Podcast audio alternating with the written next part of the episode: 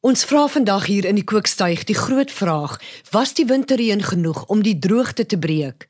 Ons ateljeegas is spesiale wateradviseur vir die Wes-Kaapse regering, Andrei Roo. Ons gaan ook by Andrei hoor hoe dinge in die res van die land lyk en met 'n paar Kaapenaars gesels oor hulle watergebruikgewoontes nou dat dit voorkom asof die ergste verby is. Die program word tegnies versorg deur Lindsey Johnson. Andre, ons val met die deure in die huis. Was die winterreën genoeg om die droogte in die Wes-Kaap te breek? Lisma, nee, ongelukkig nie. Ons het 'n baie goeie Mei en Junie maand gehad. Sodanig dat ons einde van Junie het ons watervlakke in ons damme wat nou in die Kaap water voorsien amper op dieselfde vlak gestaan as in 2015 wat nou eintlik die begin van ons droogte was. Ongelukkig was Julie toe nou weer 'n baie droë maand geweest En die gevolg dat ons toe einde van Julie begin Augustus het ons weer afgesak tot ons gelykstaande was aan die 2016 watervlakke. Augustus was 'n bietjie beter geweest en hy het weer begin kop optel, maar ons is nog nie heeltemal uit die moeilikheid uit nie. Waterbeperkings is nou verslap in die Wes-Kaap. Beteken dit dat Kaapnaars kan begin ontspan? Nee, nee, glad nie, glad nie. O, onthou, ons het waterbeperkings was progressief ingestel gewees. Met ander woorde, ons het van vlak 1 af na vlak 2 toe, vlak 3, vlak 4, vlak 5, vlak 6 beweeg soos die situasie vererger het. En die gedagtegang is nou om om dieselfde in 'n teenoorgestelde rigting weer die die waterbeperking te begin verslap. Dis hoekom stad Kaapstad nou aangekondig het dat hulle wil teruggaan na vlak 5 toe. Maar as jy nou mooi kyk wat dit beteken, dit beteken dat ons nou 70 liter per persoon per dag kan gebruik in plaas van 50, maar hulle teiken van 450 miljoen liter per dag wat hulle nog, nog nooit gehaal het nie is ook nou uh, gelig na 500 miljoen liter per dag toe wat hulle net nou en dan gehaal het in die verlede. So dit gaan er, vir ons almal nodig wees om absoluut ons volle samewerking te gee om by die 500 miljoen liter per dag te bly. Andrei, die Oos en Noord-Kaap is ook erg geraak. Hoe lyk dinge nou daar? Uh die Noord-Kaap begin 'n bietjie beter lyk. Die Oos-Kaap is nog oor bekommerd, veral die Langkloof uh, potensie area uh, het baie uh, min water beskikbaar en ons hoop dat daar nog vir hulle uitkomste gaan wees. Hulle kry ook bietjie meer reën aan die somerse kant toe normaalweg.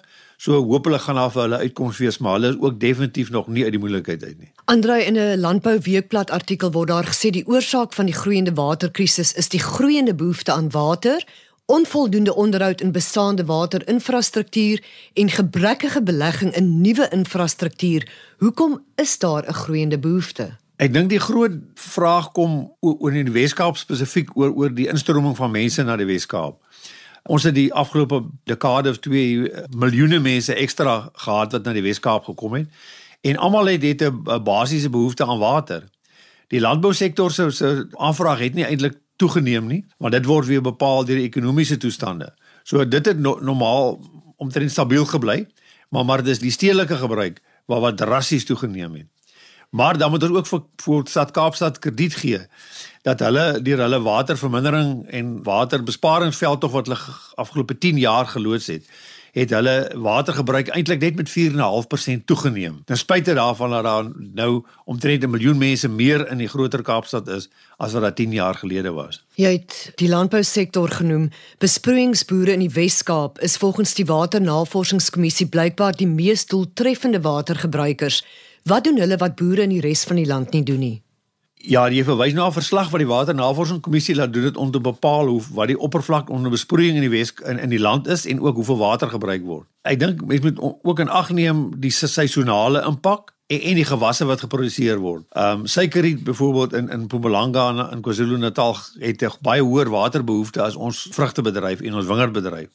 So mense moet dit ook in ag neem, maar ek dink ons het 'n baie hoë vlak van besproeiingsdoeltreffendheid bereik in die Wes-Kaap waar daar letterlik na elke druppel water gekyk word en seker gemaak word dat net die regte hoeveelheid water toegedien word op die tyd wat die plante dit nodig het. Klimaatsverandering voorspellings dui daarop dat ons oor die volgende 30 jaar 30% minder reën gaan kry. Hoe gaan ons landbou en die publiek dit te bowe kom? Dit is 'n groot uitdaging. Ons het nou gesien in in die dorpe en die stede hoe maklik mense met minder water kan klaarkom. So ek dink dit gaan regtig 'n groot probleem vir ons in die stede wees nie. Die probleem is, weet ons kan ons water gebruik in die huis verminder, maar 'n 'n boom of 'n wingerdstok het 'n sekere hoeveelheid water nodig. En jy kan nie vir hom sê luister daar's nou 30% minder, ek gaan nou van nou vir jou net 30% minder water gee nie. So mense sal moet seker maak dat daar ook die regte kultivars en variëteite gekweek word wat 'n laer waterbehoefte het en ons moet kyk na waar ons hierdie gewasse plant en die omgewing waarin dit geplant word, temperature, die die windrigtings en daai tipe ding, sodat ons kan kyk of ons nie die die die plant se waterbehoefte in die landbousektor kan verminder nie. Maar dit is nie 'n ding wat oornag gebeur nie.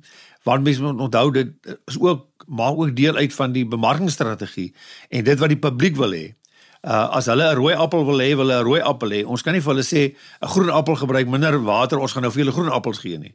So dis dis 'n baie gekompliseerde oefening waar daar gedeur gegaan moet word om nuwe kultivars te kweek wat minder water benodig en Geen... nog steeds kan lewer wat die publiek wil hê. Geen eenvoudige antwoorde hier nie. Nee, nee, glad nie. Andrei, ons het vlede jaar in die droogte getuisterde gebiede en veral in die Wes-Kaap gesien 'n reuse toename in die sink van boorgate.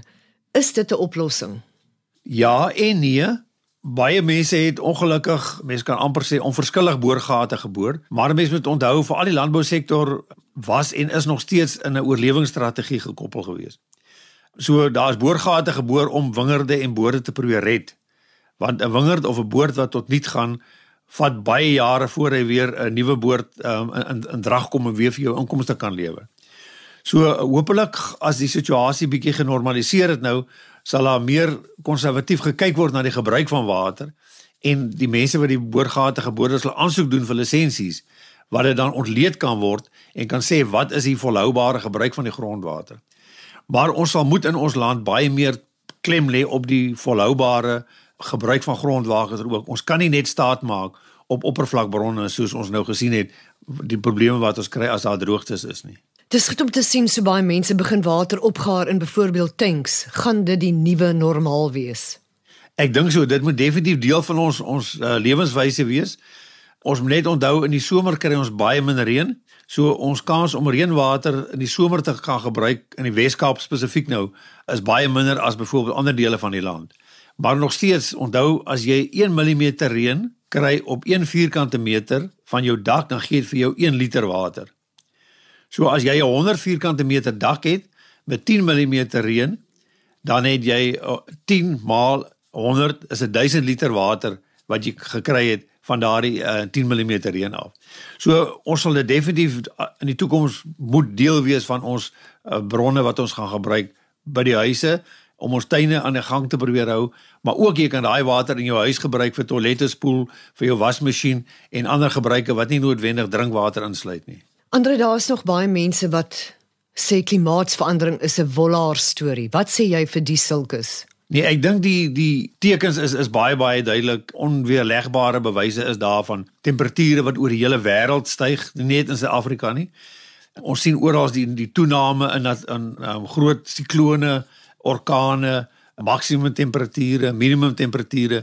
So daar's definitief dinge wat um, besig om te verander en ons moet maar net verlief neem daarmee. Dit is deel van die, ons lewe waarby ons moet aanpas. Die prentjie lyk nie rooskleurig nie, maar waar daar 'n wil is, is daar 'n weg. Soos Andrei vandag beklemtoon het, sal almal anders na water moet begin kyk. Elke druppel tel. Wat 'n riem onder die hart is, is dat dit lyk asof Kaapenaars wat na die groot skrik skielik moes begin water bespaar ondanks die goeie reën by hulle goeie gewoontes gaan hou. Natuurlik is ons uh, Kaapenaars uh, baie bly dat uh, ons kraan toe nie uiteindelik opgedroog het nie.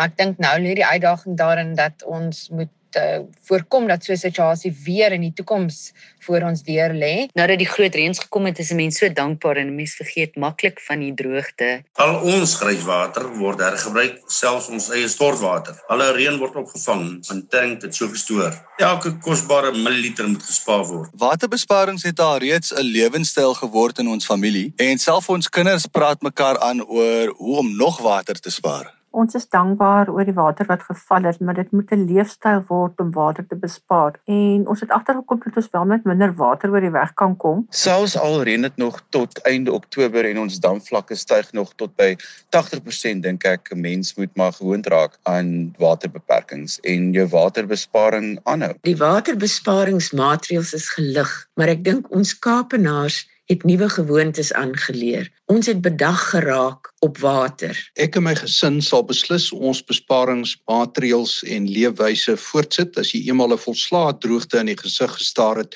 moet jy anders oor water dink en werk. Ek groet in die woorde van die befaamde digter Via Orden, der duisende het sonder liefde geleef, maar nie een sonder water nie. Die program word ondersteun deur die Wes-Kaapse Departement van Landbou. Onthou, die aarde is kosbaar, kom ons bewaar dit.